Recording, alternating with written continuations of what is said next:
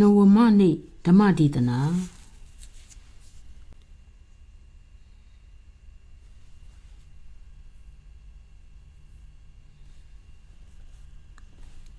တရားဘတ်မှာကိုယ့်ရဲ့တော့ကုံဆုံးသွားပါပြီတရားအားထုတ်ဖို့ရာနောက်ထပ်တရက်ပဲကြံပါတော့တယ်ဒီစရက်တရားဘတ်အဆုံးသတ်ပိုင်းမှာဒီကမ္မထာနည်းကိုယောဂီတို့ရဲ့ဘဝတာမှာ ဘယ်လိုအသုံးချရမလဲဆိုတာကိုနားလည်ထားဖို့ရလိုပါတယ်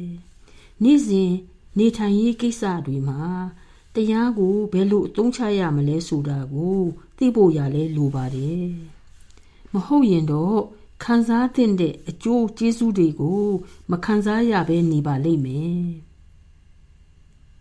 ဒီကမ္မထာနည်းကတော့ဝင်သက်ထွက်သက်နဲ့ နောက်ပြီးတော့ခန္ဓာကိုယ်ပေါ်မှာခံစားနေရတဲ့ဝေဒနာတွေကိုဥပ္ပခါနဲ့ရှုပြီးတုံ့ပြန်မှုမလုပ်ဖို့ရဖြစ်ပါတယ်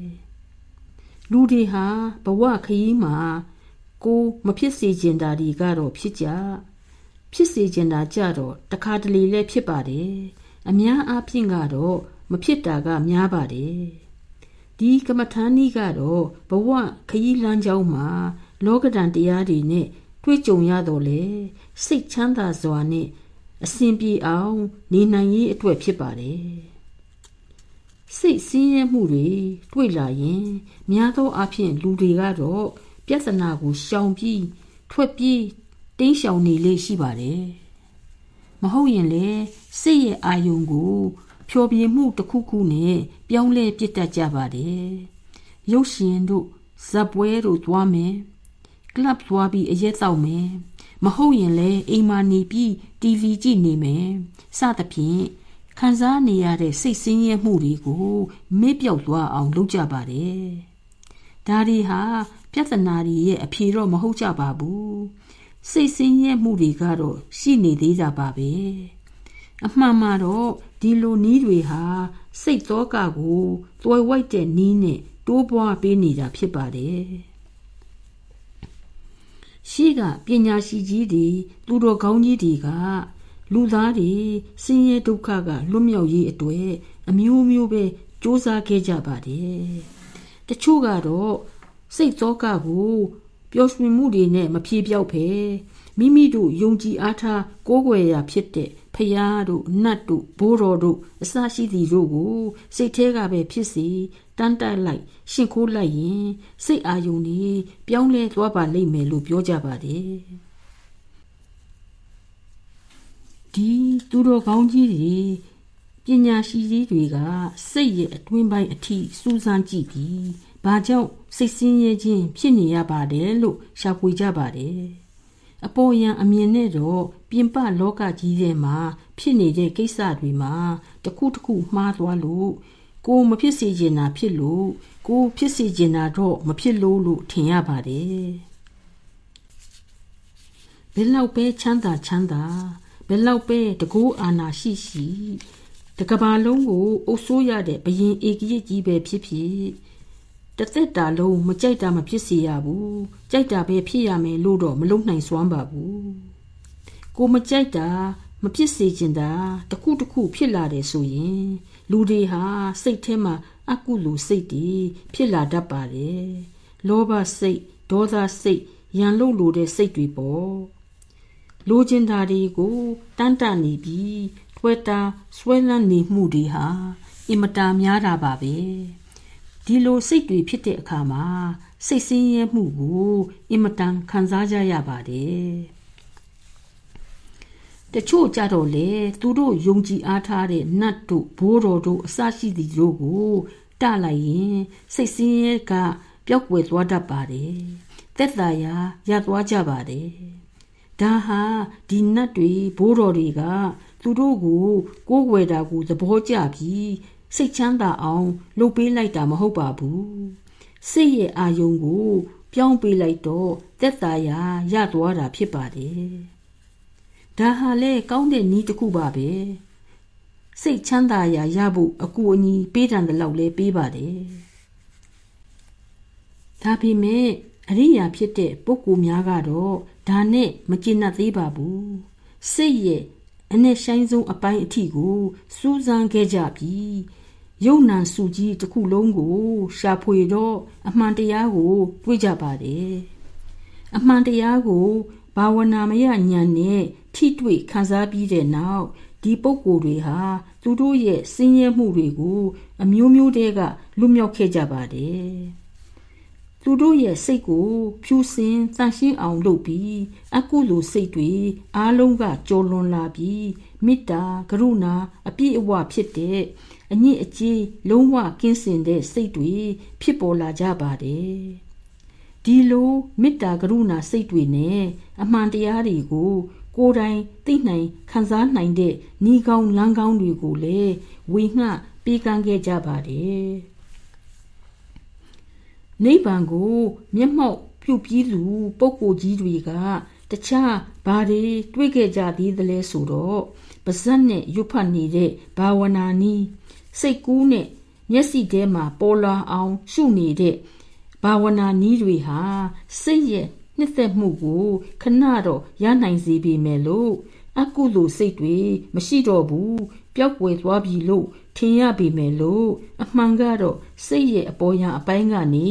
ထွက်ခွာပြီးပျောက်ကွယ်သွားကြပြီးစိတ်ရဲ့နှဆိုင်တဲ့အပိုင်းတွေကိုထိုးသွင်းလိုက်ခြင်းပဲဖြစ်ပါတယ်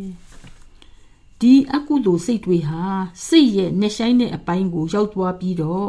ပွားများနေကြပါတယ် စိတ်ရဲ့နှဆိုင်တဲ့အပိုင်းဟာကိုယ်ခန္ဓာနဲ့အမြဲပဲဆက်သွယ်နေပါတယ်ကိုယ်ခန္ဓာမှာဖြစ်ပျက်နေတဲ့ဝေဒနာတွေနဲ့ဆက်သွယ်ပြီးကြိုက်တာမကြိုက်တာလိုချင်တာမလိုချင်တာတွေနဲ့ပြန်ပြီးတုံ့ပြန်နေကြပြီးသင်္ခါရအသစ်တွေပွားများနေကြပါတယ်စိတ်ရဲ့အပေါ်ယံမှာတော့လူတွေဟာငါ ဒီကာတာလေးရွတ်လိုက်လို့ဒီနတ်ဒီဘိုးတော်ကိုရီမှန်းပြီးကိုးကွယ်လိုက်လို့ငါမှအကုသိုလ်စိတ်တွေမရှိတော့ဘူးအကုသိုလ်စိတ်တွေကုန်ပါပြီလို့ထင်မှတ်နေရပြီမယ်လို့အမှန်ကတော့အကုသိုလ်စိတ်တွေကယာဂိုင်နှုံးအပြည့်လွတ်မြောက်သေးတာမဟုတ်ပါဘူးဒီကိလေသာတွေဟာစိတ်ရဲ့နှဆိုင်တဲ့အပိုင်းမှာသွားပြီးကင်းအောင်နေပြီးမပေါက်ကွဲသေးတဲ့ငြိမ်သက်နေတဲ့မိတော်များလို့ရှိနေကြပြီး သူတို့ကိုအနုစရကိလေသာလို့ခေါ်ပါတယ်ကိလေသာအညစ်အကြေးတွေကို အမြင့်ပြတုတ်စင်ပြစ်နိုင်မှသာယောဂီတို့ဟာစင်းရဲတွေအလုံးကပျောက်ကင်းနိုင်ကြမှာဖြစ်ပါတယ်ဒီလိုအမြင့်ပြတုတ်စင်ဖို့ရမှာယောဂီတို့ဟာပြဿနာကထွက်ပြေးတင်းရှောင်နေလို့မရပါဘူးတင်းရှောင်ပုံအောင်နေတာဟာအပြေမှန်မဟုတ်ပါဘူး စိတ်အာယုံကို ပြောင်းလဲပေးလိုက်တာကလေအပြေမှန်မဟုတ်သေးပါဘူးကိုခန္ဓာမှာအာယုံခံစားမှုတွေတာမဂုံခံစားမှုတွေဟာစင်းရဲခြင်းကလွတ်မြောက်အောင် မဆောင်ရွက်နိုင်သလိုစိတ်ခန္ဓာနဲ့သက်ဆိုင်တဲ့ဖြောပြမှုတွေဟာလည်းမဆောင်ရွက်နိုင်ကြပါဘူးမူရစီတတ်တဲ့အရက်သေးစားတို့ဆေးတို့ဟာ ဘေးအန္တရာယ်ရှိတတ်သလိုစိတ်ကိုမူရစီတတ်တဲ့လှည့်စားစေတတ်တဲ့ကိစ္စတွေဟာလည်းဘေးအန္တရာယ်ရှိကြပါတယ်သူတို့ကိုကျင့်သုံးပြီးစိတ်ရဲ့နှဆိုင်တဲ့အပိုင်းကို မရောက်နိုင်ကြပါဘူးစိတ်ရဲ့အပေါ်ယံအပိုင်းလောက်ကိုသာထိရောက်နိုင်ပါတယ်ဒီတော့ပြဿနာဟာဒီအတိုင်းပဲကြံရှိနေပြီးအမြင့်ပြမသွားသေးပါဘူးပြေးပေါက်မရှိဖြစ်နေပါတယ် ဒါပေမဲ့ပြဿနာက ထွက်ပြေးပြီးရှင်းလို့မရနိုင်ပါဘူးပြဿနာကိုရင်ဆိုင်ရမှာဖြစ်ပါတယ်ပြင်ပလောကမှာဖြစ်ပေါ်နေတဲ့အခြေအနေအရစိတ်မှာအညစ်အကြေးတွေအကုသိုလ်တွေဖြစ်ပေါ်လာရင်စိတ်ရဲ့အာယုံကို တခြားနေရာကိုလွှဲပြောင်းမပစ်ဖဲဖြစ်ပေါ်လာတဲ့အကုသိုလ်စိတ်တွေကိုရှုနေရမှာဖြစ်ပါတယ် ဥပမာဒေါသစိတ်ပေါ်လာတယ်ဆိုပါစို့မဟုတ်ရင်လဲကြောက်စိတ်မုန်းစိတ်တဏှာရာဂစိတ်လောဘစိတ်အစရှိတဲ့ဘာအညစ်အကြေးပဲဖြစ်ဖြစ်စိတ်ထဲမှာပေါ်လာရင်ဒီပေါ်လာတဲ့စိတ်ကိုပဲရှုနေပါရှုယုံမျှတာရှုနေပါဒီလိုရှုယုံမျှတာရှုနေရင်ဒီအကုသိုလ်စိတ်တွေဟာလေဝစီမှု ကာယမှုအထိဆက်ပြီးမသွားတော့ပဲအခြားလူတွေကိုလည်း ဘေးမဖြစ်စေတော့ပါဘူးဒီအကုသိုလ်စိတ်တွေကို အတင်းဖိနှိပ်ချုပ်ချယ်ထားလိုက်ပြန်ရင်လေယောဂီဟာမိမိကိုယ်ကိုဘေးဖြစ်စေတတ်ပါတယ်ဒီတော့သူတစ်ပါးကိုဘေးဖြစ်စေတဲ့ကာယမှုဝစီမှုတွေလည်းမလုပ်ပါနဲ့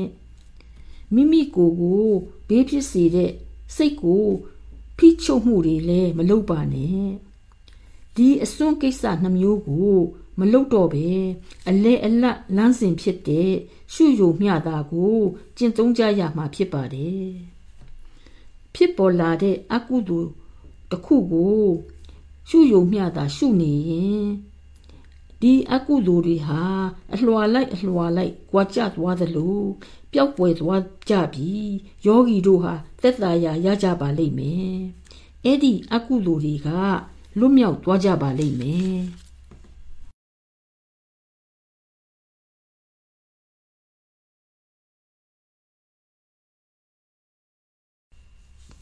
ဥပမာစိတ်ထဲမှာဒေါသစိတ်ပေါ်လာတယ်ဆိုကြပါစို့အခုပေါ်လာတဲ့ဒေါသစိတ်ဟာ အရင်တုန်းကယောဂီရဲ့စိတ်ထဲမှာ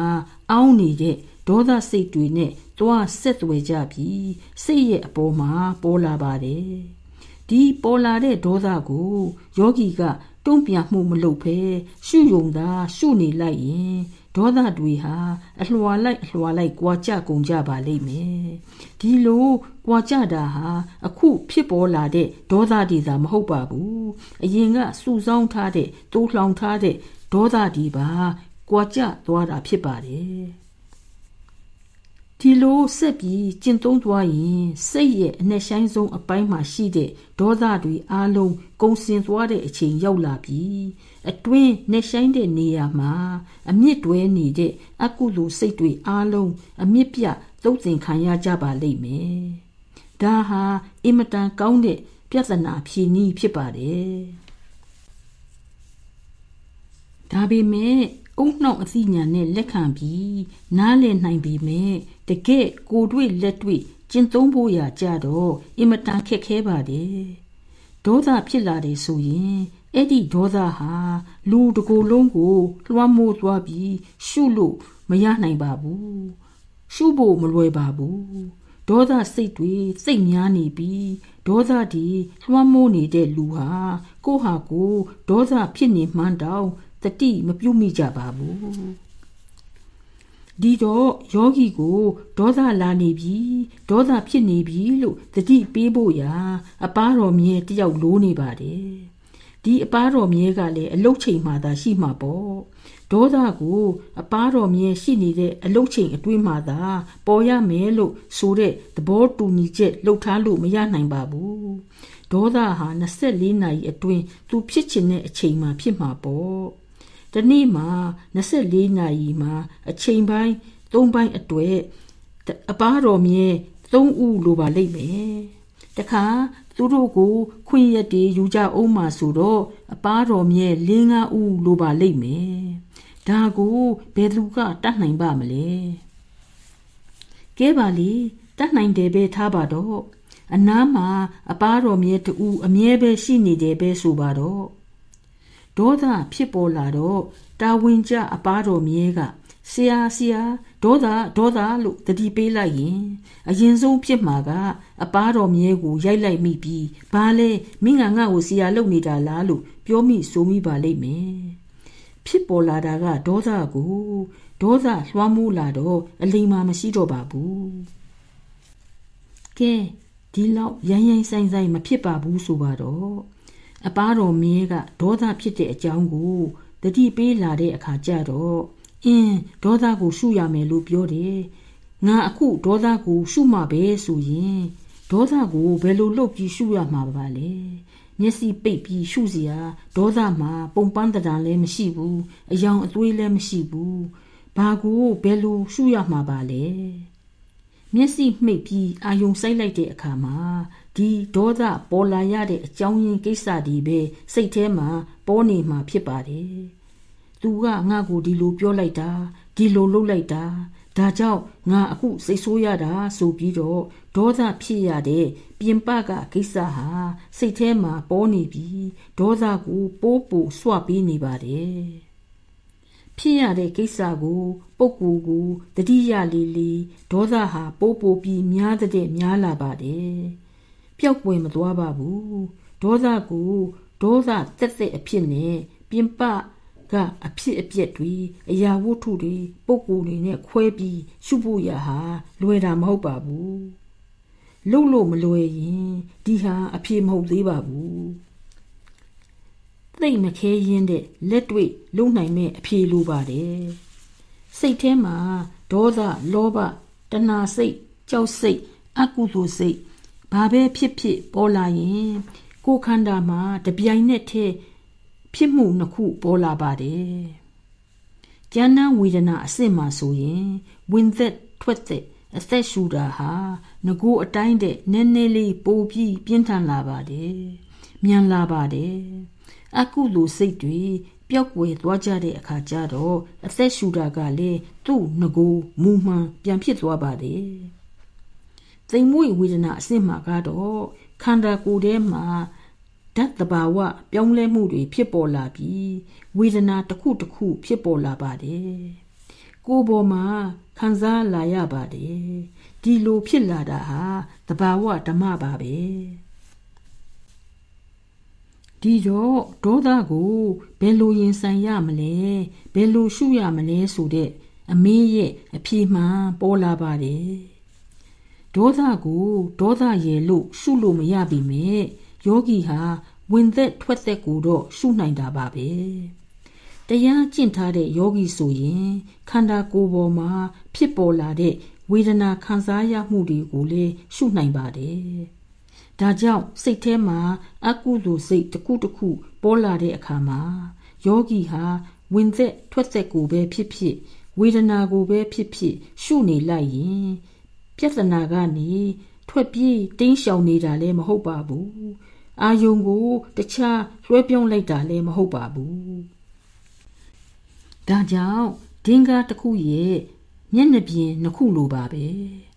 အကုသိုလ်တွေကိလေသာအညစ်အကြေးတွေဟာဒင်္ဂါရဲ့မျက်နှာပြင်တစ်ခုဝင်သက်ထွက်သက်နဲ့ဝေဒနာတွေဟာဒင်္ဂါရဲ့တခြားဘက်ကမျက်နှာပြင်တစ်ခုဖြစ်ပါတယ် သူတို့အားလုံးဆက်သွယ်နေကြပါတယ်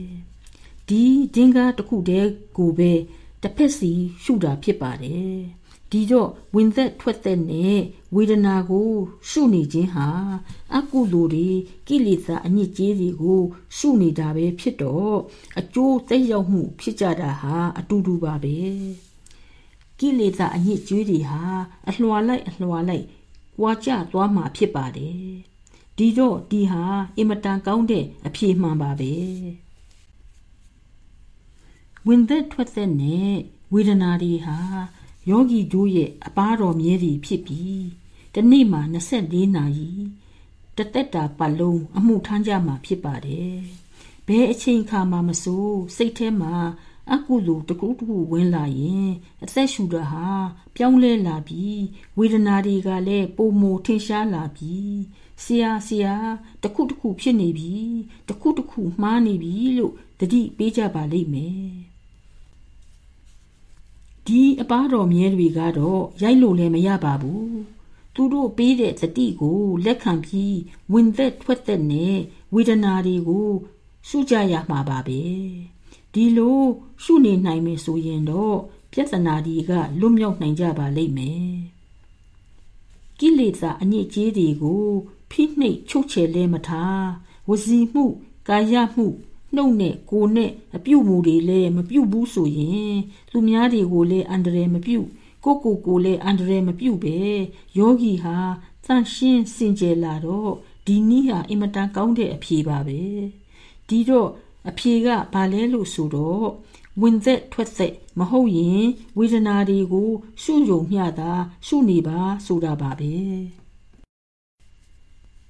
ဆယ်ရက်တရားပတ်ပြီးလို့အိမ်ပြန်သွားကြတဲ့အခါကျတော့စိတ်ထဲမှာနောက်ထပ်အကုသိုလ်တွေမဖြစ်တော့ဘူးလို့တော့မထင်လိုက်ပါနဲ့အကုသိုလ်စိတ်တွေကနောက်ထပ်အများကြီးပဲဖြစ်နေအောင်မှာပါပဲအခုဟာကအစလေးပဲရှိနေပါသေးတယ်နောက်ပြီးတော့လေအကုသိုလ်စိတ်တွေဝင်လာတိုင်းလေဝင်သက်ထွက်သက်နဲ့ဝေဒနာတွေကတတိပေးကြအောင်မှာတော့မဟုတ်သေးပါဘူး ယောဂီတို့ဟာအရင်တုန်းကလိုပဲတုံ့ပြန်မှုတွေလုပ်နေကြအောင်မှာပါပဲဒါပေမဲ့ပြောင်းလဲမှုကလေးကတော့အစပြုလာပါပြီဆယ်ကမှာဆိုရင်ကိုကဟာခါတိုင်းလိုပဲတုံ့ပြန်မှုတွေလုပ်ကြအောင်မှာပါပဲယောဂီတို့ဟာမနေ့တနာရီညနေတနာရီမှန်မှန်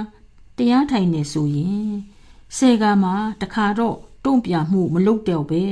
ဝင်လေထွက်လေနဲ့ဝေဒနာကို ရှုစပြုလာပါလိမ့်မယ်ဒီလိုဆိုရင်ပဲတော်တော်လေးအစကောင်းနေပါပြီဆက်ပြီးမှန်မှန်တရားထိုင်သွားရင်တခါကနေပြီးနှစ်ခါနှစ်ခါကနေပြီးသုံးခါဒီလိုနဲ့တစတစနဲ့ယောဂီတို့ဟာဆင်းရဲဒုက္ခတွေကလွတ်မြောက်လာကြပါလိမ့်မယ် တကယ်လို့ယောဂီကခါတိုင်းအတိုင်းပဲဆက်ပြီးတုံ့ပြန်နေအောင်မှာပဲဆိုရင်တောင်မှနည်းနည်းတော့တက်သာရရပါလိမ့်မယ်အရင်ကဒေါသထွက်တယ်ဆိုရင်ဒေါသမီးဟာ၈နာရီလောက်လောင်းနေခဲ့ရင်အခုဆိုရင်6နာရီနောက်ဆို4နာရီ2နာရီ1နာရီနာရီဝက်နဲ့ဒေါသမီးလောင်နေတဲ့အချိန်တွေဟာနည်းနည်းလာတာတွေ့ရပါလိမ့်မယ် ဒီတော့ဆင်းရဲရတဲ့အချိန်ကလည်းနည်းနည်းလာတာပေါ့ဒီလိုဖြစ်တာဟာမျက်လှည့်မဟုတ်ပါဘူးတကိုးနဲ့ဖန်ဆင်းတာလည်းမဟုတ်ပါဘူးတကယ်တိတိကျကျနီးမှန်လမ်းမှန်နဲ့နေတိုင်းမှန်မှန်တရားထိုင်ပေးနိုင်ရင်ဖြစ်နိုင်ပါတယ်တရားကျင့်ရမှာဝေဒနာတွေနဲ့ကစားသလိုလုပ်နေလို့တော့မရပါဘူးတနေ့တရားထိုင်တာမှာ ဘင်ကအဆင့်ရပြီးတော့ကျဉ်တ်ဝမ်းသာဖြစ်နေပြီနောက်တနေ့ကျတော့ကြမ်းတမ်းဝေဒနာတွေခံစားရပြန်တယ်ဆိုရင်စိတ်ဓာတ်အယမ်းကျပြီးစိတ်မချမ်းသာဖြစ်နေမယ်ဆိုရင်တော့ယောဂီဟာဝိပဿနာကျင့်နေတာမဟုတ်ပါဘူးဝိပဿနာရဲ့အကျိုးကျေးဇူးတွေကိုမခံစားနိုင်ပါဘူးဒါပေမဲ့ယောဂီကစိတ်ကိုဥပက္ခဖြစ်အောင်ထားပြီးဘယ်လိုဝေဒနာမျိုးပဲခံစားရခံစားရ သူတို့ရဲ့အနိစ္စသဘောကိုတတိရှိနေပြီးတုံ့ပြန်မှုမလုပ်ဘဲရှုနေမယ်ဆိုရင်တော့ဝိပဿနာရဲ့အကျိုးကျေးဇူးတွေကိုခံစားရမှာအမှန်ပါပဲဒီလိုရှုနိုင်တဲ့တခဏလေးမှာပဲအကုလိုစိတ်တီရက်စဲပျောက်ကင်းစေပါတယ်ဒါပေမဲ့ယောဂီကဝေဒနာတွေကိုဥပက္ခနဲ့မရှုဘဲတုံ့ပြန်နေမယ်ဆိုရင်တော့ဒါဟာစိတ်ရဲ့အကျင့်ဖြစ်နေပြီး ဒေါသထွက်တဲ့အခါမှာဒေါသကိုတုံ့ပြန်နေပြီးဒေါသဟာပွားတဲ့ပွားများတဲ့များလာပါလိမ့်မယ်။ဒါကြောင့်ဝိပဿနာကျင့်ရမှာတေးသေးချာချာတိတိကျကျကျင့်ဖို့ရာအထက်ထအခါကပြောနေရတာပါ။ပြောသလိုတေးသေးချာချာတိတိကျကျကျင့်မယ်ဆိုရင်တော့အကျိုးကျေးဇူးတွေအသေးအချာခံစားကြရမှာဖြစ်ပါတယ်။ ကိုတွင်းမှာတကယ်ဖြစ်ပျက်နေတာကိုအမှန်အတိုင်းဖြစ်ပျက်နေတဲ့အတိုင်းရှုတဲ့အခါမှာလေရှုတော့တစ်ခုတည်းကနေပြီးရှုနေရင်တော့အမှန်ကိုလုံးဝကုံစင်မဟုတ်ပဲတပိုင်းတစကူသာရှုနိုင်မှာဖြစ်ပါတယ်တပိုင်းတစသာရှုနိုင်တဲ့အမှန်ဟာလုံးဝအမှန်ပဲလို့မပြောနိုင်ပါဘူးလုံးဝအမှန်မဟုတ်တဲ့အတွက်ကြောင့်ယောဂီလှုပ်သမျှဆုံးဖြတ်ချက်ဝေဖန်ချက်တွေကလည်း မမှန်ကန်တော့မှားယွင်းတဲ့အပြုအမူအပြောအဆိုတွေဖြစ်ကုန်တတ်ပါလေဒီလိုဆိုရင်သူတစ်ပါးကိုရောယောဂီကိုယ်တိုင်ကိုရောအန္တရာယ်ဖြစ်စေနိုင်ပါတယ်အမှန်တရားကို လုံးဝကုံစင်ရှုနိုင်တယ်ဆိုရင်တော့ယောဂီတို့ရဲ့ဝေဖန်ချက်ကလည်းမှန်တယ်ဆုံးဖြတ်ချက်ကလည်းမှန်တယ်ဖြစ်တော့ယောဂီရဲ့အပြောအဆိုအပြုမူတွေကလည်းမှန်တာကြီးပဲဖြစ်လာပါလိမ့်မယ် လူတွေရဲ့အကျင့်ဟာမွေးပြီးမျက်လုံးနှလုံးဖွင့်တဲ့အချိန်ကစပြီးအပြင်ဘက်ကိုသာအမြဲပဲကြည့်နေကြပါတယ်အပြင်ဘက်ကိုပဲကြည့်နေကြဆိုတော့ရှုတောင့်တတောင့်နဲ့ဖြစ်နေကြပြီးတမျိုးပဲမြင်တတ်ပါတယ်ဒါဟာမမှန်တဲ့ရှုခြင်းပေါ့ဝိပဿနာကိုစပြီးပညာစခန်းကိုစပြီးဆိုရင်တော့ရှုတောင့်ဒီအမျိုးမျိုးကစပြီးရှုလာပါပြီ ပညာဆိုတဲ့စကားဟာပကာရေနဇာနာတိတိပညာပကာရအပြားပြားအထူးထူးအထွေထွေရှုထောင့်တွေအမျိုးမျိုးလို့ဆိုလိုပါတယ်တရားတစ်ခုကိုရှုထောင့်အမျိုးမျိုးကနေရှုမယ်လို့ဆိုရင်ယောဂီဟာအမှန်တရားကို လုံးဝကုံစင်မြင်နိုင်ဖို့ရာပိုပြီးနီးလာပြီဖြစ်ပါတယ်မဟုတ်ရင်တော့ယောဂီဟာအမှန်တရားရဲ့ တစိတ်တစ်ပိုင်းကိုသာရှုနိုင်နေပြီးလုံးဝမှန်ကန်တဲ့တရားလို့မဆိုနိုင်ပါဘူးဥပမာတစ်ခုပေးပါမယ်မွေးကလေးကမျက်စိမမြင်တဲ့လူငါးဦးကိုစင်တကောင်အနာခေါ်လာပြီးစင်ကိုစမ်းသပ်ကြည့်ပြီးစင့်အကြောင်းထင်မြင်ချက်ကိုပေးခိုင်းပါတယ်တူးကစင်ရဲ့ခြေထောက်ကိုကန်ကြည့်ပြီးစင်ဆိုတာတိုင်ကြီးနဲ့တူပါတယ်လို့ပြောပါတယ် နောက်တူးကတော့စင်ရဲ့အမီးကိုကန်ကြည့်ပြီးဟာတိုင်နဲ့မတူပါဘူးစင်ဟာတပြက်စီးနဲ့တူပါတယ်လို့ပြောပါတယ်ဒီလိုပဲမျက်မမြင်ငါးဦးဟာတူးတမျိုးစီထင်မြင်ချက်ငါးခုကိုပေးပါတယ်သူတို့တူးစီပေးတဲ့ထင်မြင်ချက်ကသူတို့ရဲ့ရှုထောင့်ကနေဆိုရင်တော့မှန်ပါတယ်ဒါပေမဲ့အမှန်ရဲ့တပိုင်းတစပဲဖြစ်ပါတယ် လုံးဝကုံစင်မှန်တဲ့အမှန်နဲ့တော့အဝေးကြီးပါပဲလူတွေရဲ့တသက်တာမှလည်းဒီလိုဖြစ်တတ်တာပါပဲအမှန်ရဲ့တပိုင်းတစကလေးတွေကိုသာမြင်နေကြပြီးလုံးဝကုံစင်မှန်တဲ့အမှန်နဲ့ကတော့ဝေးပါသေးတယ်ဒါကြောင့်လူတွေမှာဆုံးဖြတ်ချက်တွေမှာလည်းမှားလုတ်ကင်ဆောင်ရွက်မှုတွေမှာလည်းမှားအကုန်အမှားကြီးပဲဖြစ်နေတတ်ပါတယ် အခုဝိပဿနာကျင့်စဉ်နဲ့ကျင့်လာတော့ယောဂီတွေဟာတခြားရှုထောင့်တွေအမျိုးမျိုးကနေပြီးမြင်တတ်လာကြပါတယ်ခန္ဓာကိုယ်ရဲ့အပြင်မှာတစ်ခုတစ်ခုဖြစ်တယ်ဆိုရင်ခန္ဓာကိုယ်ရဲ့အတွင်းမှာတစ်ချိန်တည်းမှာပဲဘာတွေဖြစ်ပါသလဲဆိုတာက ပိုပြီးအရေးကြီးပါတယ်ဒါကိုမသိကြပဲဖြစ်နေကြပါတယ် ဒီတရားကျင့်စဉ်ကိုကျင့်ကြတဲ့အခါကျတော့အတွင်းရှုထောင့်ကနေပြီးလေရှုတတ်လာကြပါတယ်အပြင်ရှုထောင့်တစ်ခုတည်းကနေမြင်နေရင်တော့ငါစိတ်ဆင်းရဲမှုဖြစ်ရတာဟာပြင်ပလောကကြောင့်ဖြစ်ရတာဒီပုဂ္ဂိုလ်ကြောင့်ဒီကိစ္စကြောင့်ဒီပုဂ္ဂိုလ်ကိုပြုပြင်ပေးလိုက်ရင်ဒီကိစ္စကိုပြုပြင်ပေးလိုက်ရင်ငါရဲ့စိတ်ဆင်းရဲတွေဟာပျောက်ကွယ်သွားမှာပဲလို့ထင်တတ်ကြပါတယ် ပြီးတော့ယောဂီဟာ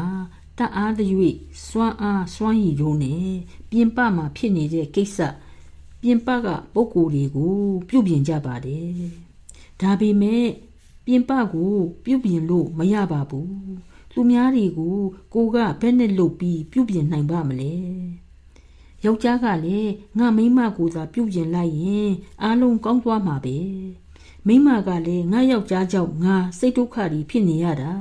သူ့ကိုပြောင်းလဲပေးလိုက်ရင် ပြုပြင်ပေးလိုက်ရင်အားလုံးအဆင်ပြေသွားမှာပဲလို့ထင်နေတတ်ကြပါတယ်ဒီလိုပါပဲမိဘတွေကသားသမီးတွေကိုသားသမီးတွေကမိဘတွေကိုမိတ်ဆွေတွေအချင်းချင်းအားလုံးဟာသူများတွေကိုသာ ပြုပြင်ပြောင်းလဲစေခြင်းကြပါတယ်။ဘာပြုလို့လဲဆိုတော့သူတို့စိတ်မချမ်းသာဖြစ်ရတာဟာပြင်ပကြောင်းလို့ ယူဆနေကြလို့ဖြစ်ပါတယ်။အမတ်တမဲ့ဆိုရင်တော့ဟုတ်သလိုလိုပါပဲ။ဒီလူကဒီလိုပြောလို့ဒီလိုလုပ်လို့ငါစိတ်ညစ်ရတာလို့ထင်ရပြီမဲ့ပညာသိက္ခာကို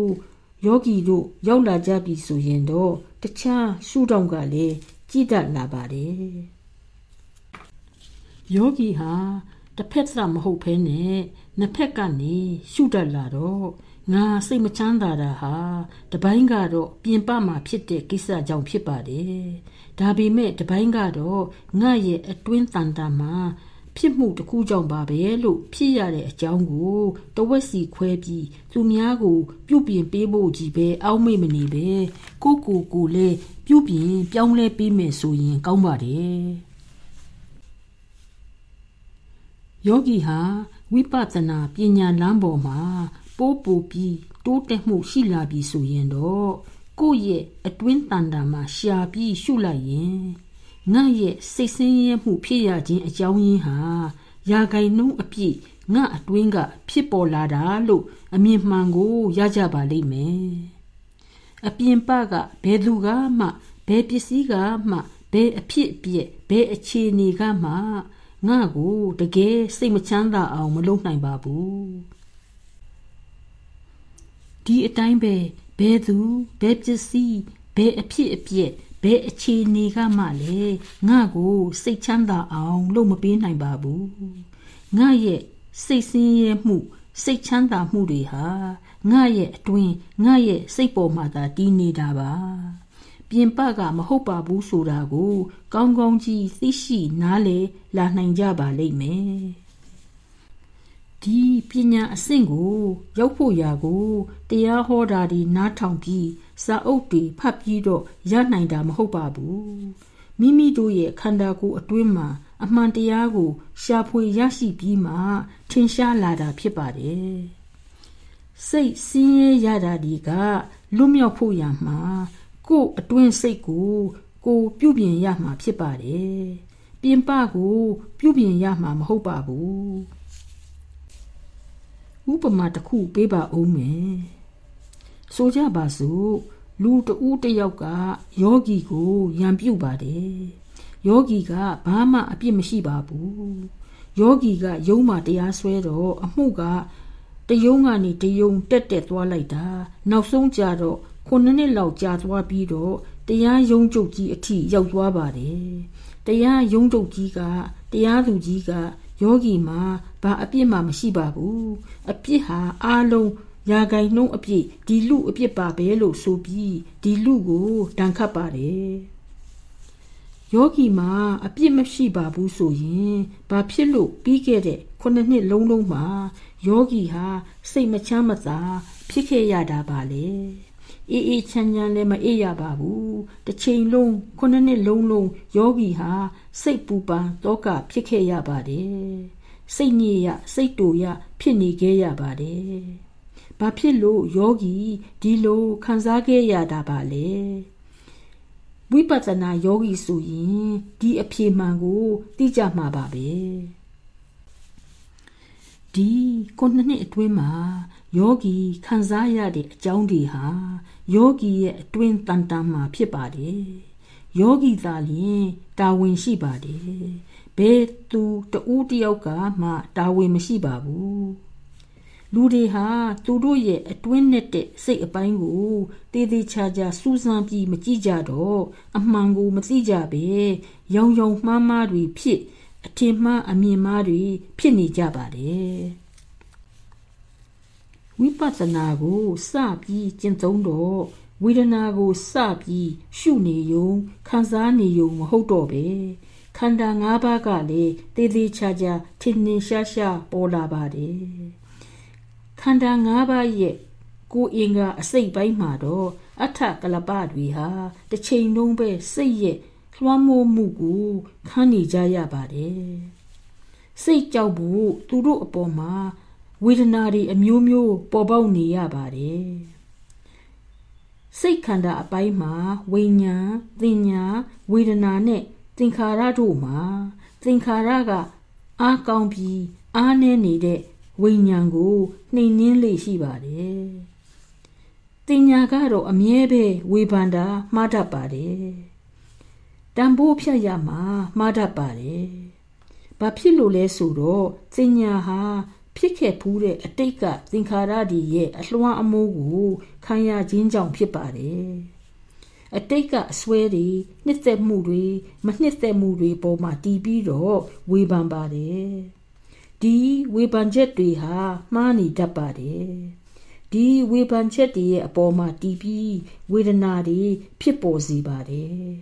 ပေါ်လာတဲ့ဝေဒနာတွေကိုယောဂီတို့ကတုံ့ပြန်မှုလုပ်ကြပါတယ် ဒီလိုနဲ့ယုံနံတရားတွေဘယ်လိုဖြစ်ကြပြက်ကြတယ်ဆိုတာဟာထင်ရှားလာပြီးလွတ်မြောက်ဖို့ရာလွယ်ကူးလာပါတယ်ဥပမာတစ်ခုပြပါအောင်မယ်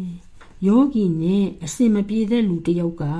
ယောဂီကို စိတ်မချမ်းသာအောင်လုပ်တယ်ဆိုပါတော့သူကယောဂီကိုလာပြီးဆဲတယ်ဆိုပါတော့ဒီတော့ယောဂီကစိတ်မချမ်းမသာဖြစ်သွားရပါတယ် ယောဂီကတရားအရာမှာရင့်ကျက်နေပြီဖြစ်တဲ့ယောဂီဆိုရင်ချက်ချင်းပဲသိပါလိမ့်မယ်အစဲခံရလို့စိတ်မချမ်းမသာဖြစ်ရတာဟာယောဂီရဲ့အပြစ်ပဲလို့သူလာပေးတဲ့အစဲလက်ဆောင်ကိုသူစီကယောဂီကလက်မခံရင်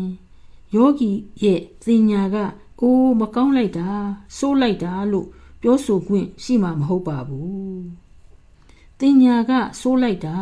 မကောင်းလိုက်တာလို့တန်ဖိုးမဖြတ်လိုက်ရင်ယောဂီရဲ့ဝေဒနာကလည်းခံရခက်တဲ့ဝေဒနာ ဖြစ်မှာမဟုတ်ပါဘူးယောဂီကလည်းတုံ့ပြန်မှုလုပ်ဖြစ်မှာမဟုတ်ပါဘူးစိတ်မချမ်းသာလေဖြစ်ရမှာမဟုတ်ပါဘူးလူများလာပေးတဲ့အစဲလက်ဆောင်ကိုလက်ခံလိုက်တာဟာယောဂီရဲ့အမှားပါပဲ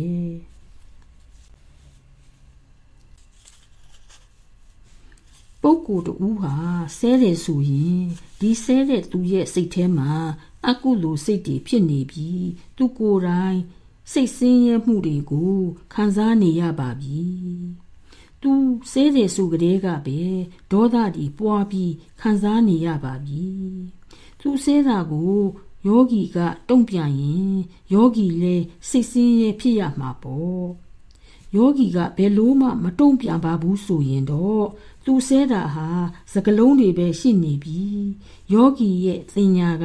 ဒီစကလုံးတွေကိုအတိတ်ပဲအမှားကောက်ယူမှာမဟုတ်ပါဘူးတင်ညာကိုပညာဖြစ်အောင် ပြောင်းလိုက်ပြီဆိုရင်တော့ယောဂီအစဲခံရရင်အိုးဒီပုဂ္ဂိုလ်ဟာအတိတရားမရှိတဲ့ပုဂ္ဂိုလ်ပဲ သူဟာအင်မတန်စိတ်ဆင်းရဲစိတ်တော့ကရောက်နေတဲ့သူပဲလို့သူ့အပေါ်မှာကရုဏာတောင်းသက်မိပါအောင်မယ်အခုတော့ယောဂီကမှားသွားပါပြီသူလာပေးတဲ့အစဲလက်ဆောင်ကို လက်ခံလိုက်မိပါတယ်ဒီတော့ယောဂီစိတ်မချမ်းမသာဖြစ်ရပါတယ်ဒီလူကယောဂီကိုတခါတည်းပဲဆဲတာ ယောဂီစိတ်ဆိုးအောင်တခါတည်းပဲလှုပ်တာဖြစ်ပါတယ်ဒါပေမဲ့ယောဂီကဒီကိစ္စကိုတအုံနွေးနွေးနဲ့သူငါ့ကိုဒီလိုဆဲလိုက်တယ်ဒီလိုစော်ကားလိုက်တယ်နဲ့ထက်ခါထက်ခါအဖန်တလဲလဲစမြုံပြန်နေပါတယ်ဒီလိုပြန်ပြန်ပြီးစဉ်းစားတိုင်းစဉ်းစားတိုင်းပိုးပူစိတ်မချမ်းသာလေးလေဒီလူကယောဂီကိုတခါပဲစိတ်မချမ်းသာအောင်လုပ်တာဟာယောဂီကနောက်ထပ် အဖန်တလဲလဲနေ့ရက်ဒီအကြာကြီးစိတ်မချမ်းမသာဖြစ်ရပါတယ်တခါတလေများကြရင်ငါ့ကိုဒီလိုစော်ကားတာတသက်လုံးမမေ့ဘူးမကြည်ဘူးလို့များတောင်ပြောလိုက်ပါသေးတယ်ဒါကဘယ်သူအကျိုးပါလဲတသက်လုံးမကြည်ရင်ကိုပဲတသက်လုံးစိတ်မချမ်းသာဖြစ်ရမှာပေါ့တချို့ကများတသက်တောင်မကပါဘူးနောင်ဆယ်ဘဝဆယ်သက်မကြည် ဘူးလို့များတောင်ပြောလိုက်ကြပါသေးတယ်ဒါဒီဟာကိုမီးကိုကိုမွှေးကိုသောကကိုကိုဖန်တီးကြတာပါပဲအစကတည်းကသူလာပြီးတဲ့လက်ဆောင်ကိုလက်မခံသင့်ပါဘူးဘယ်သူကပဲဆဲဆဲဘာပြောပြောကိုကမတုံ့ပြန်ဘူးလက်မခံဘူးဆိုရင်ကိုစိတ်မချမ်းမသာဖြစ်ရမှာမဟုတ်ပါဘူး အခုတော့ကိုကလက်ခံလိုက်ယုံတယ်မကသေးဘူးနောက်ထပ်အခါကကြီးတဲ့ကြီးအောင် တိုးတဲ့တိုးအောင် တိုးပွားပေးလိုက်သေးတာကိုဒါဒီအားလုံးဟာပိုးပို့ပြီးတော့ရှင်းရှင်းလာပါလိမ့်မယ်ဒါကတရားဟောတာကို နားထောင်ရလို့မဟုတ်ပါဘူးယောဂီတို့ကိုယ်တိုင်ဒီတရားကို ပိုးပို့ကျင့်လာတဲ့အခါကျတော့ စိတ်ခန္ဓာကိုလည်းအမျိုးမျိုးအဖုံဖုံလေ့လာကြမှာဖြစ်ပါတယ်တရားရှုနေတုန်းမှာပဲပြင်းထန်တဲ့ကိုဝေဒနာစိတ်ဝေဒနာတွေကိုခံစားလာရတာတွေကို ရှုယုံမျှတာရှုနေကြပြီဘယ်လို့မှ တုံ့ပြန်မှုမလုပ်ရင်ဒီကိုဝေဒနာစိတ်ဝေဒနာတွေဟာသူတို့ဟာသူတို့ ပျောက်ကွယ်သွားကြပြီယောဂီတို့ဟာအနိစ္စတရားကိုထင်ရှားတွေးရှိခံစားနိုင်ကြပါလိမ့်မယ်လူတူဟာလူတူကိုတွေးလိုက်ရင်ကိုထင်ရင်လို့ထင်တတ်ကြပါတယ်တကယ်အမှန်မှမဟုတ်ပဲလူကောင်းကိုလူယုံမှထင်လူယုံမှကိုလူကောင်းထင်ကျင်လဲထင်နေတတ်တာပါပဲပြီးတော့ကိုထင်တဲ့ရုပ်ကို တုံ့ပြန်မှုလို့တော့မှားကုန်ကြတာပေါ့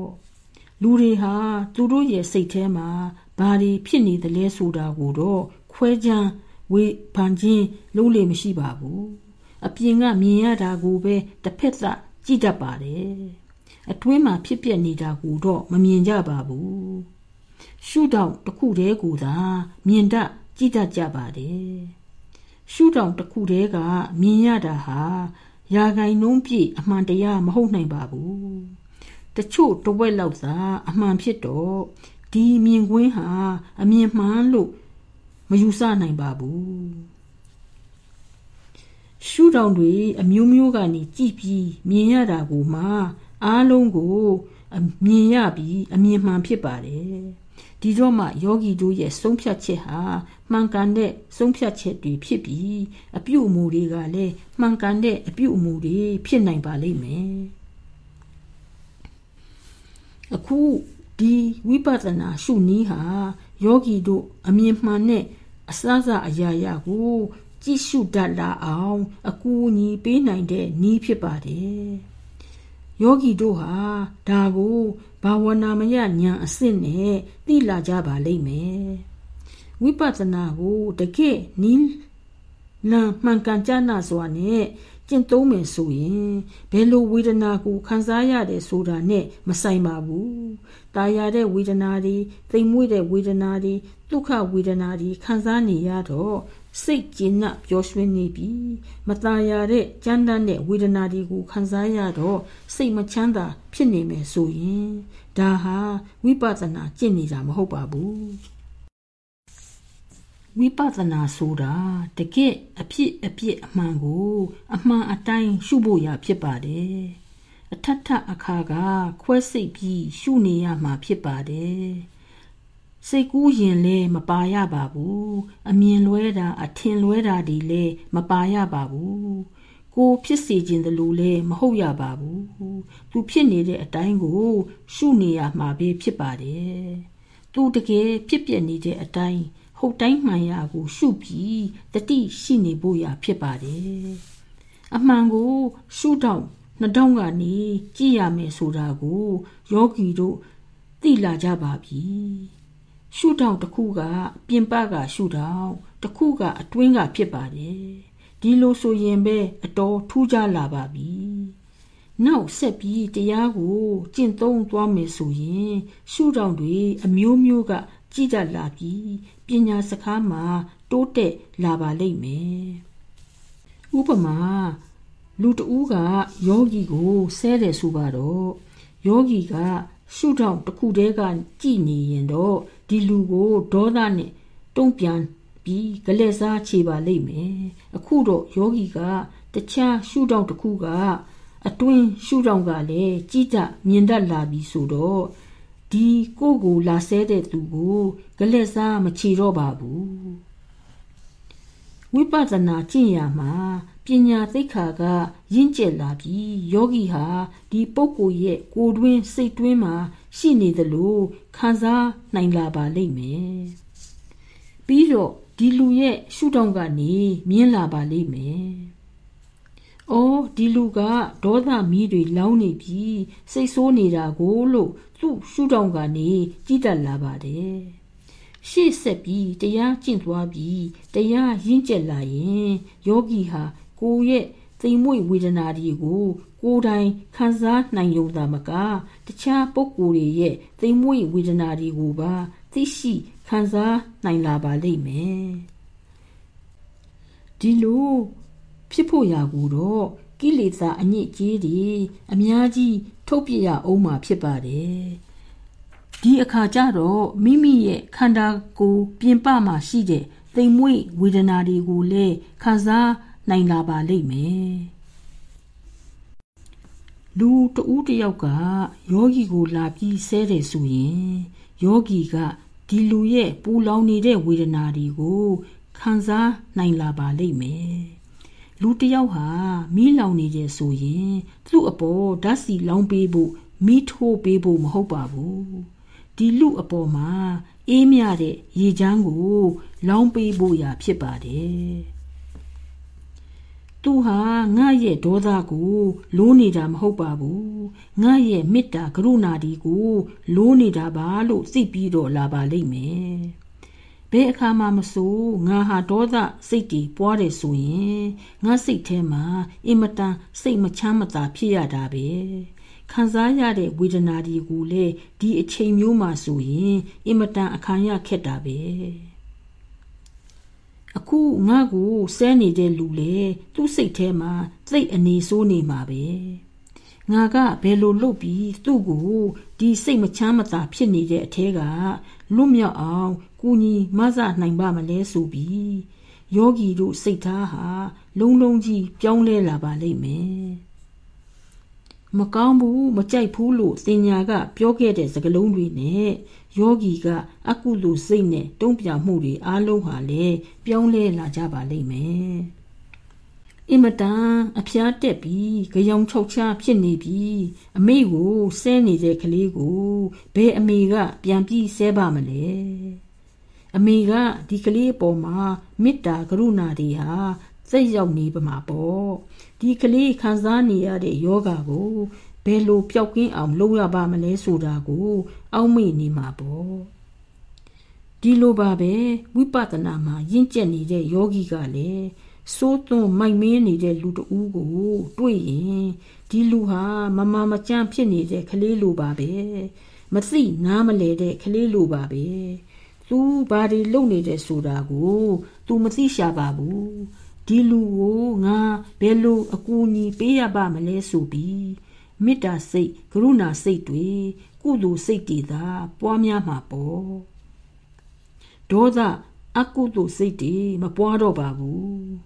အကုသိုလ်စိတ်ပွားလိုက်မိတယ်ဆိုတာနဲ့ယောဂီဟာသူကိုယ်တိုင်အရင်ဆုံးပဲစိတ်ဆင်းရဲခံရတယ်ဆိုတာကိုသိပြီကိုဒေါသဖြစ်တဲ့လူဟာစိတ်ဆင်းရဲရတာအမှန်ပါပဲသူတစ်ပါးကိုလည်းစိတ်ဆင်းရဲအောင်မလုပ်ဘူးမိမိကိုယ်ကိုလည်းစိတ်ဆင်းရဲအောင်မလုပ်ဘူးဆိုရင်ဒီယောဂီဟာမိမိရဲ့ဘဝတတက်တာကိုအင်းငိမ့်ချမ်းသာစွာနဲ့တဟဇာတဖြစ်အောင် နေထိုင်ရေးကို နားလည်တဲ့ပုဂ္ဂိုလ်ပါပဲမိမိကိုယ်တိုင်ကအေးချမ်းစွာမျှတစွာ နေတတ်ရင်နေနိုင်ရင်မိမိရဲ့ပတ်ဝန်းကျင်ကလည်းအေးချမ်းမျှတနေပြီးတခြားသူတွေကိုလည်းအေးချမ်းမျှတဖို့ရာ အထောက်အကူဖြစ်နိုင်ပါတယ် ယောဂီကမိမိကိုယ်တိုင်မှအေးချမ်းသာရအောင်ချမ်းသာအောင် မနေနိုင်ဘူးဆိုရင်ဖြင့်တခြားလူတွေကိုစိတ်ဆင်းရဲခံစားနေရတဲ့အထက်ကဘယ်နည်းနဲ့မှလွတ်မြောက်အောင် မကူညီမမဆနိုင်ပါဘူးယောဂီကြီးတချို့ဟာတရားအတော်ရင့်ကျက်နေကြတာတောင်မှဓမ္မကိုကောင်းကောင်းနားမလဲကြသေးပါဘူးငါမိမကဒီလိုငါယောက်ျားကဒီလို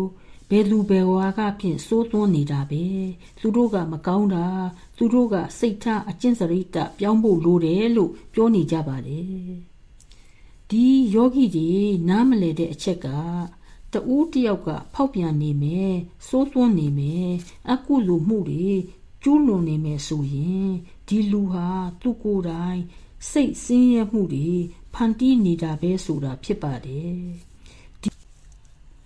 ဒီလူရဲ့စိုးသွန်းနေမှုကိုယောဂီကတုံ့ပြန်မယ်ဆိုရင်ယောဂီကိုယ်တိုင်ကလည်းပဲ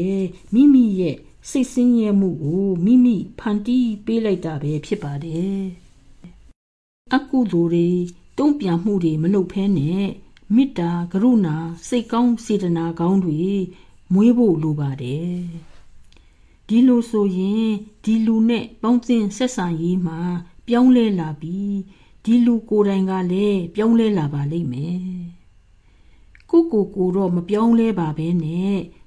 ပြောင်းလဲဖို့လဲစိတ်မကူးပါပဲနဲ့သူများတကားဒီရဲ့အပြစ်တွေကိုသာရှောက်ရှားနေရင်ပြဿနာရဲ့အဖြေကိုရှာလို့တွေးရတော့မှာမဟုတ်ပါဘူးဘယ်သူတူတယောက်ကမှယောဂီရဲ့စိတ်ဆင်းရဲမှုတွေကလွတ်မြောက်အောင်လှုပ်ဆောင်မပေးနိုင်ပါဘူး ဘဝမှာဖြစ်ပျက်နေတဲ့အခြေအနေတွေကို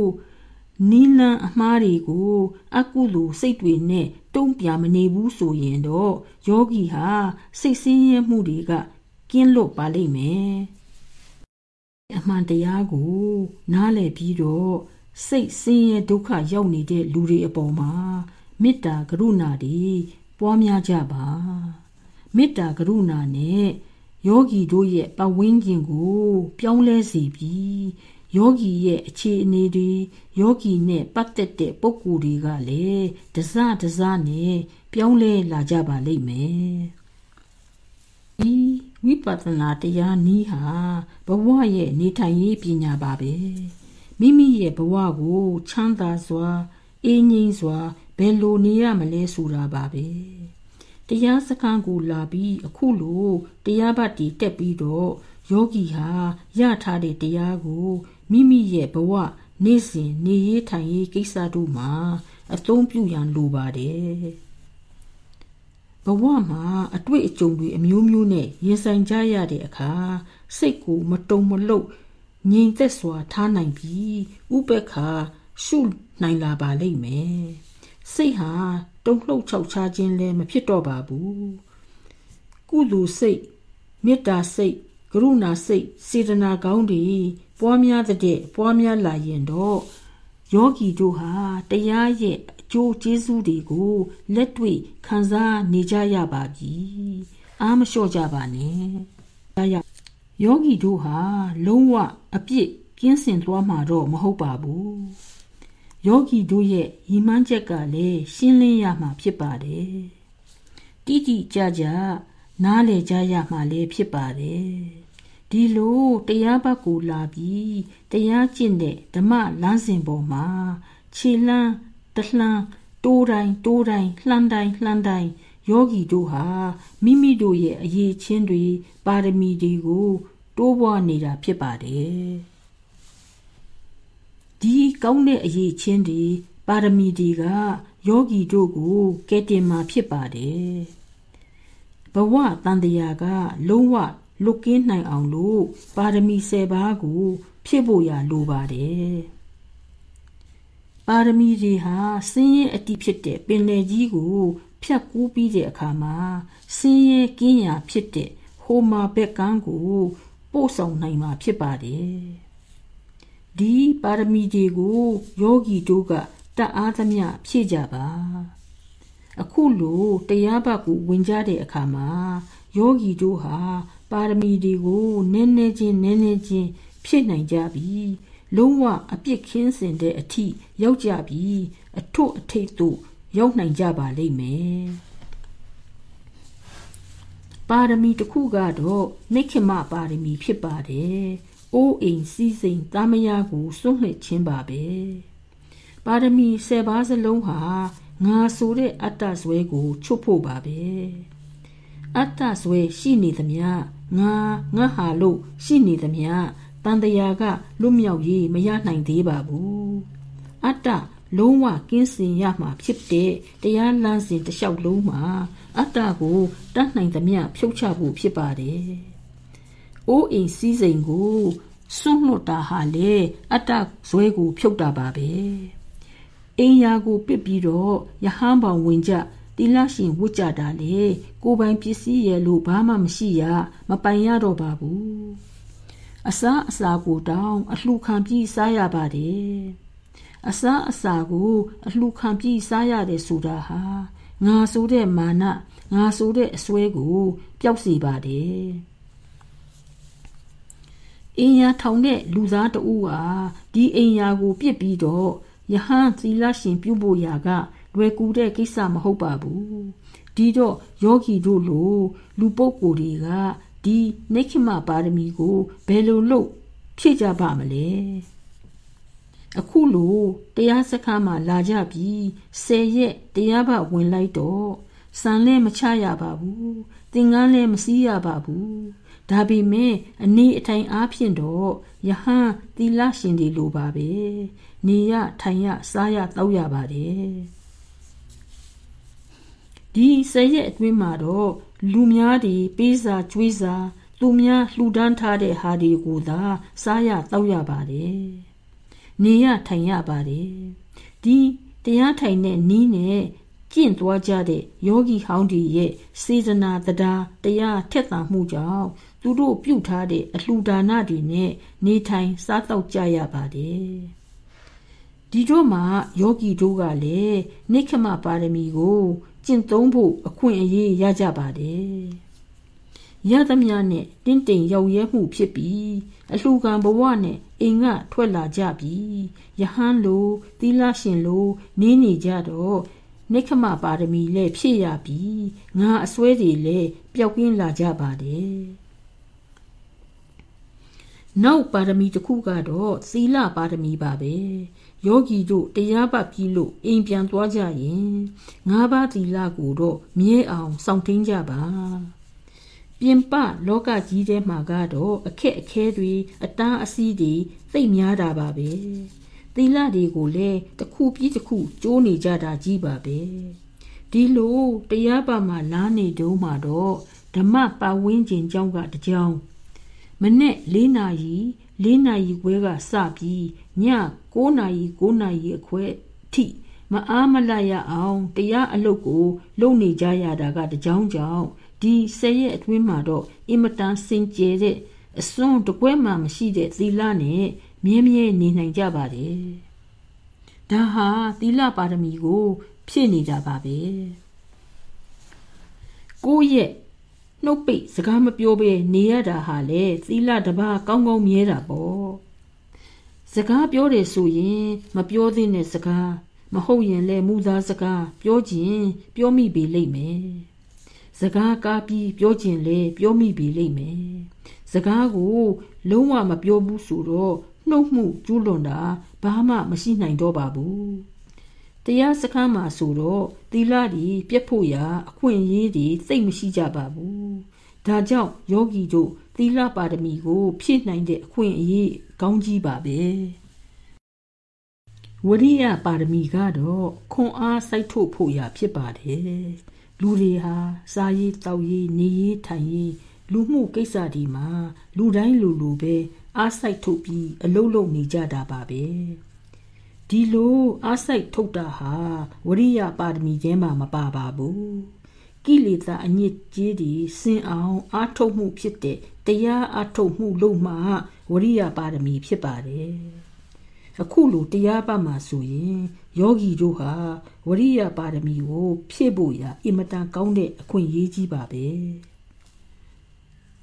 ပညာပါရမီကတော့ယောဂီတို့အိမ်မှာတရားနဲ့ပတ်သက်တဲ့စာပေတွေဖတ်တရားဟောတာတွေကို နားထောင်ပြီးအုံနှောက်အသိဉာဏ်နဲ့တော့ပွားကြပါတယ်တုတ္တမယစိန်တမယဉာဏ်ဒီပေါ့အခုလိုတရားကို ကိုယ်တိုင်ကျင့်လာတော့ဘာဝနာမယပညာရတာဖြစ်ပါတယ်ဒီမှာတရားထိုင်တာဟာတကယ်ကိုတွေ့လက်တွေ့နဲ့ပညာပါရမီကို ဖြည့်နေကြတာပါပဲ ခန္တီပါရမီကတော့သိခံဖို့စိတ်ရှိဖို့ယောဂီကြီးတရားလောက်နဲ့တရားနာထိုင်ကြတာဟာလွယ်တာမဟုတ်ပါဘူးသူများတွေကိုအနှောက်အယှက်မပြုတ်မိအောင်အင်မတန်ဂရုစိုက်ပြီးနေရပါတယ်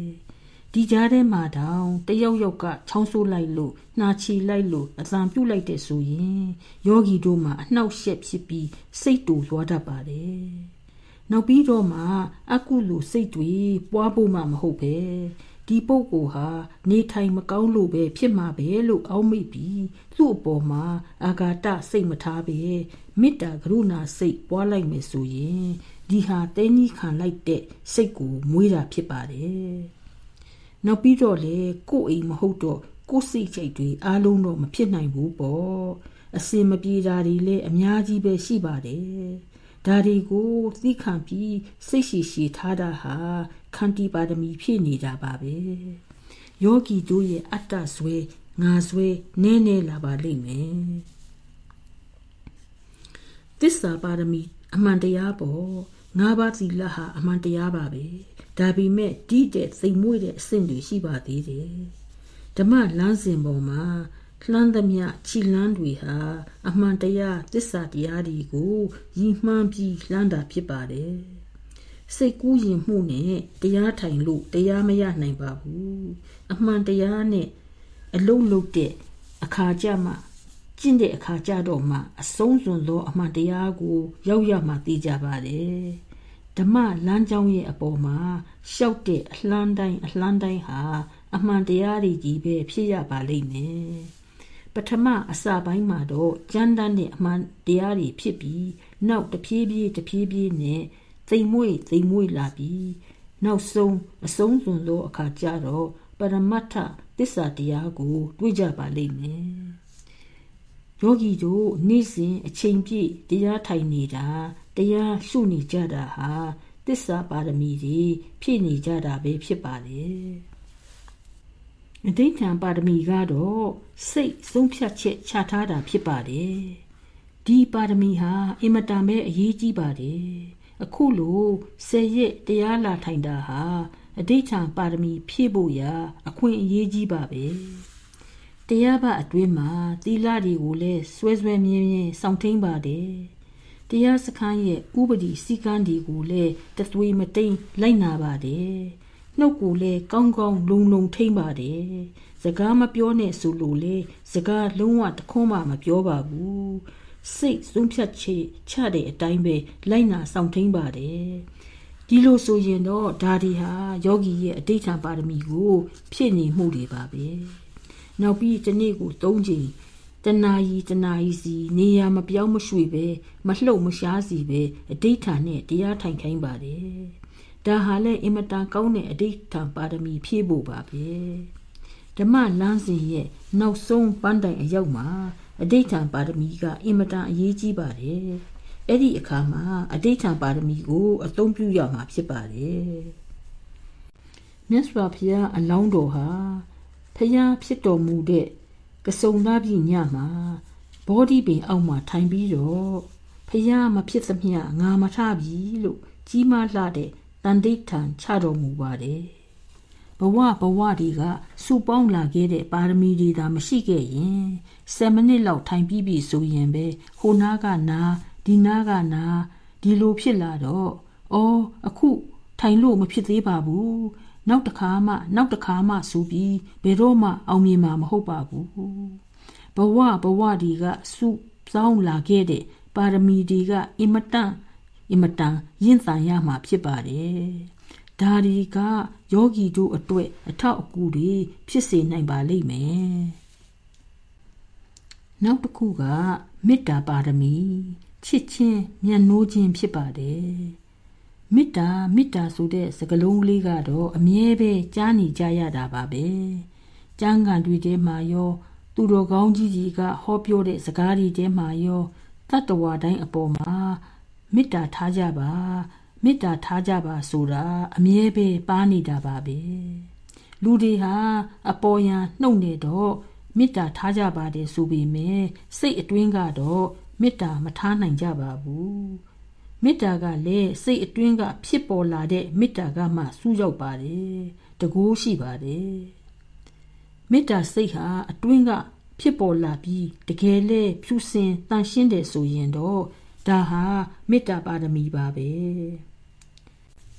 ခုလိုဆယ်ရက်တရားပလာပြီးအားထုတ်တဲ့အခါမှာစိတ်ကိုတန်ရှင်းအောင်ကိလေသာအညစ်အကြေးတွေစင်နိုင်သမျှစင်အောင်ကိုယ့်ရဲ့ကျင့်ပြီးတော့မနေ့ဖန်ဆယ်ရက်ရောက်တဲ့နေ့မှာမေတ္တာဘာဝနာစီးပြန်ကြရပါလိမ့်မယ်မေတ္တာဟာဖြူစင်ပြီးတော့ ဘာအလားအလာကိုမှမမျှော်လင့်တဲ့မေတ္တာဖြစ်ရပါလိမ့်မယ်မုံမြတ်တဲ့မေတ္တာဟာတလန်းတဲ့သွားပါတယ်အပြန်အလှန်ဘာကိုမှမမျှော်လင့်ပါဘူးကိုးကွယ်ဝိပြုရာမှာတခုခုကိုမျှော်ကိုးပြီးအလိုရှိနေရင်မဟုတ်ရင်လေစေတနာဝန်တန်းဆိုပြီးဆောင်ရွက်ရာမှာတခုခုများရမလားဆိုပြီးမျှော်ကိုးပြီးလုပ်နေတယ်ဆိုရင် ဒီဟာက ဖြူစင်တဲ့စေတနာမဟုတ်ပါဘူးအညစ်စွန်းတွေပါနေပါပြီဒီလိုပါပဲမေတ္တာမှလည်းတခုတခုကိုမျှော်မှန်းပြီးအပြန်အလှန်ရှိနေတဲ့ဆိုရင်တော့ဒါဟာစင်ကြယ်တဲ့မေတ္တာမဟုတ်တော့ပါဘူးမေတ္တာဟာတလန်းသွားပါကိုကပဲအမြဲအပေးသမားပါအယူသမားမဟုတ်ပါဘူးမနစ်ဖန် မေတ္တာဘာဝနာကိုကျင့်သုံးကြမှာမို့အခုလိုတရားပဝင်တာဟာမေတ္တာပါရမီ ပွားများအောင်လှုပ်ဆောင်နေကြလဲဖြစ်ပါတယ်ဥပက္ခာပါရမီကတော့စိတ်ကို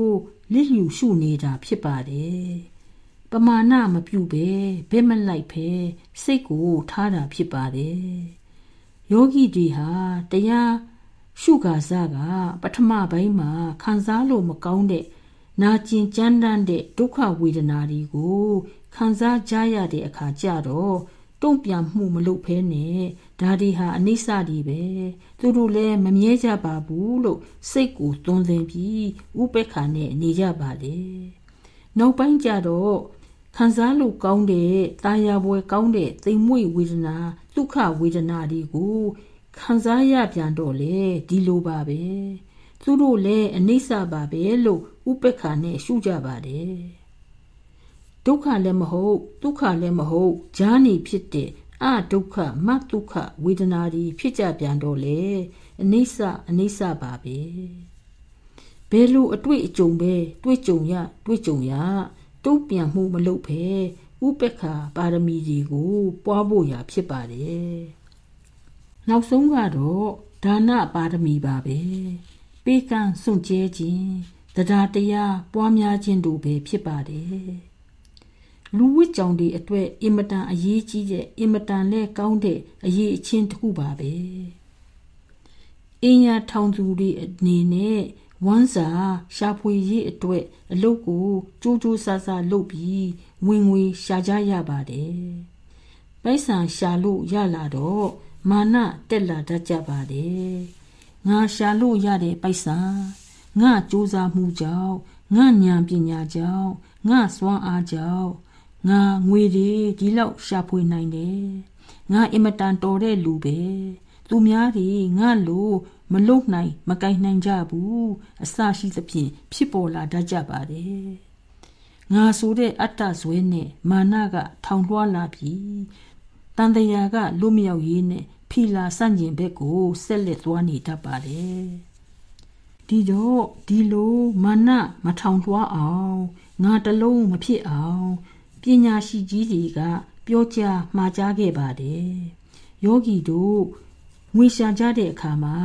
ငါဒီငွေကိုရှာတာဟာငါအတွက်သာမဟုတ် သူများတွေအတွက်လည်းပါပါတယ်ငါရှာလို့ရတဲ့ငွေ ရဲ့တပိုင်းတစဟာသူများကောင်းစားရေးအတွက်ပါရပါလိမ့်မယ်လို့ဆိုပါတယ်ငါဆိုတဲ့အတ္တဆွဲနဲ့မာနဟာတဖြည်းဖြည်းပျောက်ကွယ်သွားပါလိမ့်မယ်နောက်ပြီးကိုရှာတဲ့ဝင်ငွေတွေကသူများတွေအတွက်ရဲရဲရောရောလှူဒန်းလိုက်မယ်ဆိုရင်တကူကောင်းကြံစီတဲ့စိတ်မာနစိတ်အတ္တဇွဲတွေကလွတ်လာပြီး စိတ်ချမ်းသာပျော်ရွှင်မှုကိုလည်းရနိုင်ပါလိမ့်မယ်ဒီလိုစိတ်ချမ်းသာစွာနဲ့တရားတရားစေတနာများစွာနဲ့ပေးကမ်းလှူဒန်းလိုက်တဲ့ဒါနမျိုးစေ့ဟာ အနာဂတ်ကာလမှာမိမိအတွက်ပိုမိုချမ်းသာဒုက္ခဖြစ်စရာစီစဉ်ဥစ္စာတိုးပွားစရာလည်းဖြစ်လာပါလိမ့်မယ်။ဒါဟာတဘာဝဓမ္မပါပဲ။လူဒန်းတဲ့အခါမှာ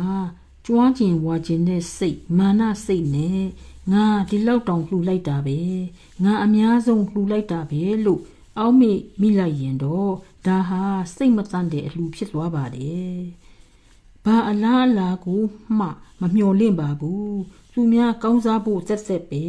စေတနာတန်တန်နဲ့ပဲလှူလိုက်တဲ့ဆိုရင်တော့အင်မတန်ကောင်းတဲ့ဒါနပါရမီပါပဲအခုလိုတရားဘဝင်ကြီး 10ရက်စီးတဲ့အခါမှာစိတ်ကလည်းတော်တော်လေးစင်ကြဲနေပြီသူများဒီအပေါ်မှာမေတ္တာကရုဏာတွေပွားနေတဲ့အခါမှာအော်လောကကြီးမှာဒုက္ခတွေအတိနေပါလားလူတွေဟာဒုက္ခဆင်းရဲကပိုးပိုးပြီးများတဲ့များများလွတ်ကင်းကြပါစေငါစိတ်ချမ်းသာသလိုငါစိတ်အေးချမ်းသလိုတဟဇာတစိတ်ရှိသလိုသူများတွေလည်း စိတ်အေးချမ်းကြပါစေစိတ်ချမ်းသာကြပါစေတဟဇာတရှိကြပါစေငါတရားဓမ္မကိုရတယ်လို့သူများတွေလည်းရနိုင်ကြပါစေငါစည်းစိမ်ဥစ္စာငါမှရှိတဲ့ပစ္စည်းတွေကိုသူများတွေနဲ့ဝေငှနိုင်ပါစေ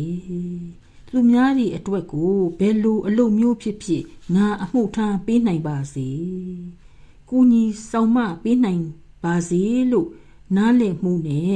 ဒါနပြုခြင်းဟာအင်မတန်ထူးမြတ်တဲ့ဒါနပါရမီပါပဲတရားစခန်းမှာဒါနပြုတဲ့အခါမှာငါဒီမှာတရားရသလိုတရားကျင့်သလိုသူများတွေလည်းတရားကျင့်နိုင်ကြပါစေဆိုတဲ့စေတနာနဲ့လူများကောင်းကျိုးကိုလိုလားပြီးဘာအလားအလာကိုမှ မျောလင့်ချက်မထားပဲလှူဒန်းရင်တော့ဒါဟာအင်မတန်တန်ဖိုးရှိတဲ့အင်မတန်ကောင်းတဲ့ဒါနပါရမီဖြည့်ခြင်းပါပဲအခုလိုတရားစခန်းမှာတရားကျင့်ကြတာဟာပါရမီ10ပါးကိုနည်းနည်းချင်းနည်းနည်းချင်းဖြည့်ဖို့အခွင့်ကောင်းပါပဲတရားရိပ်သာမှာတရားပတ်ဝန်းကျင်မှာ ကျင့်သုံးနေတဲ့ကမ္မထာနီးနေတရားဒီအချိန်စရာဒီအခွင့်အရေးတွေကိုအသုံးပြုကြပြီနောက်ဆုံးပန်းတိုင်ရောက်တဲ့အထိပါရမီတွေကိုဖြည့်ကြပါတရားဟာဘဝတလျှောက်လုံးမှာဖြစ်ပေါ်လာသမျှဒုက္ခတွေကလွတ်မြောက်ဖို့ရာဖြစ်ပါတယ်တရားရှိမှသာဘဝမှာပျော်ရွှင်မှုတကယ်အေးချမ်းမှု တကယ်သဟဇာတရှိမှုတွေဖြစ်နိုင်ပါလိမ့်မယ်ဘဝရဲ့ဆင်းရဲတွေကလွတ်မြောက်အောင်ကြိုးစားကြပါမိမိတူဒီအတွက်သာမဟုတ်ပဲသူများဒီအတွက်လည်းဖြစ်ပါတယ်ကဘာတဝမ်းလုံးမှာဒုက္ခတွေလွှမ်းမိုးနေပါတယ်လူသားတွေပိုပိုများများ ဒုက္ခတွေကလွတ်မြောက်ကြပါစေတရားဓမ္မနဲ့ထိတွေ့မိကြပြီစိတ်တွေတန်ရှင်းစင်ကြယ်နိုင်ကြပါစေဆိုတဲ့စိတ်မျိုးနဲ့အေးချမ်းစွာတရားမြတ်တာစွာ နေတတ်အောင်ကြိုးစားကြပါဒီလိုဆိုရင်တော့ကို့အကျိုးသူ့အကျိုးနှမျိုးစလုံးအတွက် အကျိုးခံစားကြရပါလိမ့်မယ်အားလုံးကုန်သောတတ္တဝါဒီကိလေသာအညစ်အကြေးတွေကလွတ်ကင်းကြပါစေလွတ်ကင်းကြပါစေဒုက္ခဆင်းရဲဒီကလွတ်ကင်းကြပါစေလွတ်ကင်းကြပါစေချမ်းသာကြပါစေအေးငြိမ်းကြပါစေ တန်တရားဝတ်စင်းရဲ့မှာလွတ်ကင်းကြပါစေလွတ်ကင်းကြပါစေဘဝတုတပ္ပမင်္ဂလံခတ်သိမ်းသောမင်္ဂလာသည် ဖြစ်ပါစေတည်း